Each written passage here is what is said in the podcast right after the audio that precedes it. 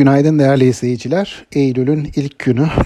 Ee, geçtiğimiz ayın kısa bir değerlendirmesini yapmak gerekirse Ağustos ayı borsamız açısından oldukça olumlu geçen bir ay oldu. Özellikle iki sektör, bankacılık ve e, havacılık sektörü e, önemli getiriler sağladılar getiri düzeyine baktığımda BIST 100 endeksinin yaklaşık %22'lik bir artış sağladığını, buna karşılık havacılık sektörünün aylık %40 ve banka sektör endeksinin de aylık %50 civarı bir artış sağladığını görüyorum.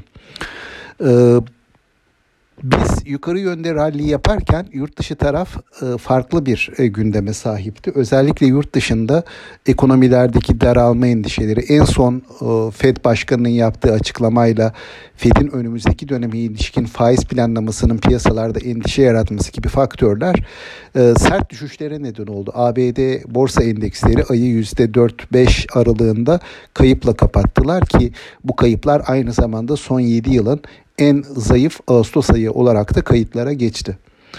Bizim taraftaki bu olumlu ayrışma daha ne kadar devam eder? Hisselerde bir yorulma emaresi var mı? Yurt dışı taraf toparlanması bize de satışlar gelir mi? Tüm bu soruların cevabı bence evet bir miktar yeni ayda yani Eylül ayında gerileme olabilir şeklinde özetlenebilir. Ben açıkçası bu ay içerisinde e, primli hisselerde kar satışları olabileceğini, hisse değişimlerinin devam edebileceğini düşünüyorum.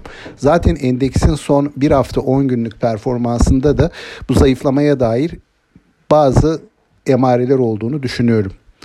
E, bugüne dönecek olursak dün gece yapılan e, doğalgaz elektrik fiyat ayarlamaları var.